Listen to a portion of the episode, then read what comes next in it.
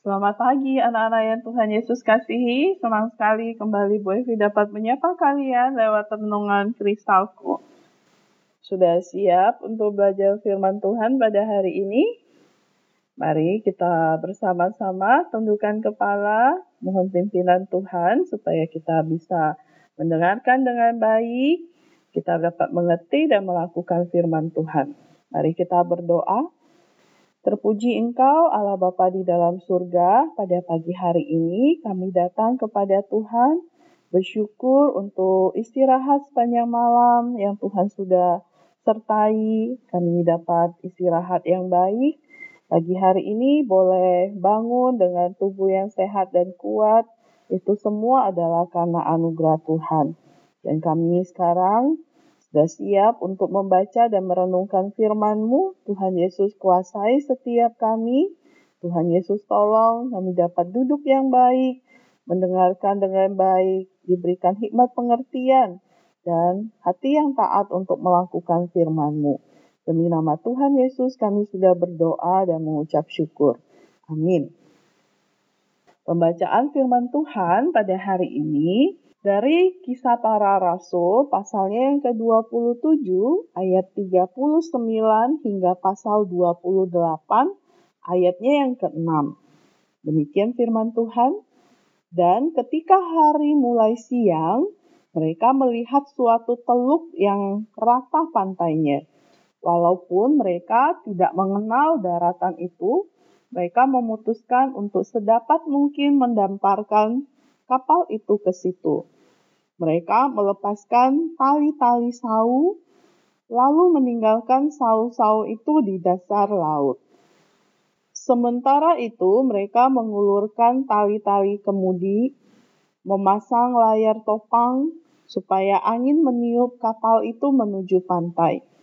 Tetapi mereka melanggar busung pasir dan terkandas kapal itu haluannya terpancang dan tidak dapat bergerak, dan buritannya hancur, dipukul oleh gelombang yang hebat.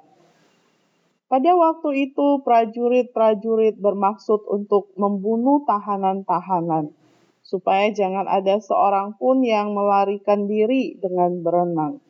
Tetapi perwira itu ingin menyelamatkan Paulus. Karena itu, ia menggagalkan maksud mereka dan memerintahkan supaya orang-orang yang pandai berenang lebih dahulu terjun ke laut dan naik ke darat, dan supaya orang-orang lain menyusul dengan mempergunakan papan atau pecahan-pecahan kapal. Demikianlah mereka semua selamat naik ke darat. Setelah kami tiba dengan selamat di pantai, barulah kami tahu bahwa daratan itu adalah Pulau Malta. Penduduk pulau itu sangat ramah terhadap kami. Mereka menyalakan api besar dan mengajak kami semua ke situ karena telah mulai hujan dan hawanya dingin. Ketika Paulus memungut seberkas ranting-ranting dan meletakkannya di atas api, keluarlah seekor ular beludak karena panasnya api itu, lalu menggigit tangannya. Ketika orang-orang itu melihat ular itu terpaut pada tangan Paulus, mereka berkata seorang kepada yang lain, "Orang ini sudah pasti seorang pembunuh, sebab meskipun ia telah luput dari laut, ia tidak dibiarkan hidup oleh Dewi Keadilan. Tetapi Paulus mengibaskan ular itu ke dalam api dan ia sama sekali tidak menderita sesuatu. Namun mereka menyangka bahwa ia akan bengkak atau akan mati rebah seketika itu juga. Tetapi sesudah lama menanti-nanti, mereka melihat bahwa tidak ada apa-apa yang terjadi padanya maka sebaliknya, mereka berpendapat bahwa ia seorang dewa. Anak-anak yang Tuhan Yesus kasihi, pada suatu malam seorang malaikat Tuhan menampakkan diri kepada Paulus dan berkata, Jangan takut Paulus, kamu akan berhadapan dengan Kaisar Roma. Dan karena kebaikan Tuhan kepadamu, dia juga akan mengampuni nyawa mereka yang bersama denganmu. Keesokan harinya, Paulus berbicara kepada orang-orang di kapal. Kalian harus mendengarkan saya dan tinggal di pelabuhan, katanya. Tapi kuatkanlah hati kalian, meskipun kapal dan segala sesuatu di atasnya akan tenggelam, tidak ada satu pun dari kalian akan tenggelam. Semua orang merasa lebih baik dan mengambil sesuatu untuk dimakan. Sesudah itu mereka melemparkan sisa makanan ke laut untuk meringankan kapal. Ketika siang hari datang, mereka melihat sebuah pulau di kejauhan sehingga mereka menaikkan layar dan menuju pantai. Tapi kapal menghantam busung pasir dan kapal rusak. Semua orang melompat ke laut yang bergelombang. Beberapa berenang ke darat sementara yang lain berpegang pada potongan kayu pecahan dari kapal. Sampai akhirnya semua orang sampai di pantai merasa dingin dan kelelahan tapi mereka semua selamat. Nah, anak-anak yang Tuhan Yesus kasihi, apakah salah jika kita merasa berputus asa? Apakah kamu pikir Paulus pernah merasa ingin menyerah? Apakah kamu pikir itu adalah salah punya hati yang tawar? Bukanlah kapal karam pertama di mana Paulus selamat keadaan ini terlihat tidak adil bahwa Paulus yang melayani Tuhan dengan begitu bersemangat harus menghadapi begitu banyak kesulitan, bukan? Paulus benar-benar memberikan kita daftar kesulitan yang dihadapinya di dalam 2 Korintus. Pasalnya yang ke-11, ayatnya yang ke-24 sampai ayat 27. Bu Evi bacain ya. Di sana dicatat demikian. Lima kali aku disesah orang Yahudi. Setiap kali empat puluh kurang satu pukulan. Tiga kali aku diderah, satu kali aku dilempari dengan batu, tiga kali mengalami karam kapal. Sehari semalam aku terkatung-katung di tengah laut. Dalam perjalananku aku sering diancam bahaya banjir dan bahaya penyamun.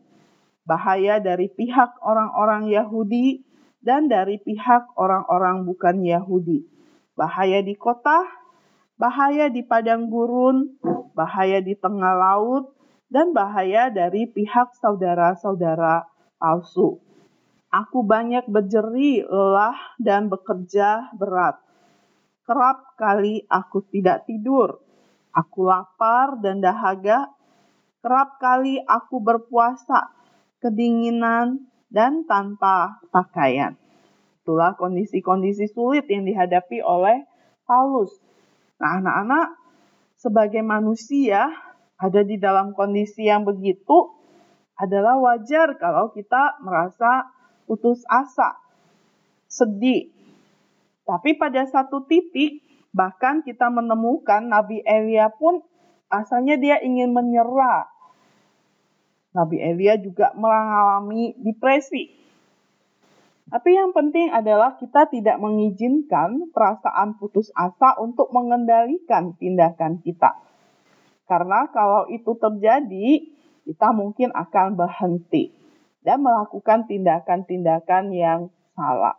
Paulus menyadari bahwa memiliki tujuan dan tekad untuk mencapai tujuannya itu membuat dia lebih mudah dalam membuat keputusan-keputusannya.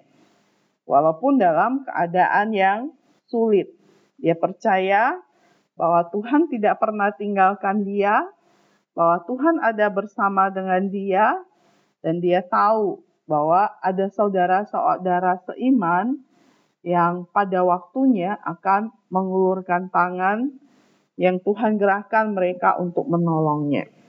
Demikian firman Tuhan. Mari kita bersatu di dalam doa. Bapa di dalam surga, kami mengucap syukur ya Tuhan, untuk firman-Mu hari ini, di mana kami boleh belajar lagi dari Paulus di tengah-tengah keadaan yang susah yang dia hadapi, yang berkali-kali dihadapi, dia tidak biarkan kesusahan itu mengendalikan tindakannya. Walaupun dia rasa capek, lelah mungkin, dia ada rasa putus asa, tawar hati, dia tidak membiarkan itu semua menghalangi langkahnya untuk mencapai tujuannya di dalam Tuhan, melayani Tuhan di mana Tuhan mengutusnya. Terima kasih Tuhan Yesus. Kiranya Tuhan juga tolong setiap Bapak Ibu guru, semua anak-anak di masa pandemi ini ya Tuhan. Juga menghadapi banyak kesulitan dalam belajar. Tuhan tolong supaya anak-anak tetap semangat, tidak putus asa, tidak biarkan itu menguasai tindakan mereka untuk tidak buat tugas.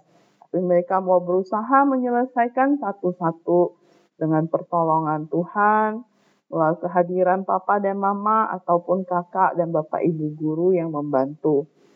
Terima kasih Tuhan Yesus. Tuhan pimpin berkati proses belajar mengajar di hari ini. Tuhan pimpin uh, di kelas-kelas masing-masing. Tuhan tolong semua yang dipakai, fasilitas yang dipakai dalam kondisi yang baik sehingga dapat mendukung proses belajar di hari ini dengan baik. Tuhan terus yang menyertai, memberkati orang tua dalam usaha kerja. Tuhan berikan kekuatan, kesehatan dalam keluar masuk. Tuhan jaga, lindungi. Terima kasih Tuhan Yesus. Ini permohonan doa kami yang kami alaskan hanya demi nama Tuhan Yesus. Amin. Ayat mas kita hari ini dari Galatia 6 ayatnya yang ke-9. Demikian firman Tuhan. Janganlah kita jemu-jemu berbuat baik. Karena apabila sudah datang waktunya, kita akan menuai. Jika kita tidak menjadi lemah. Demikian firman Tuhan. Selamat belajar. Bersama Yesus, aku bisa bergerak dan berubah.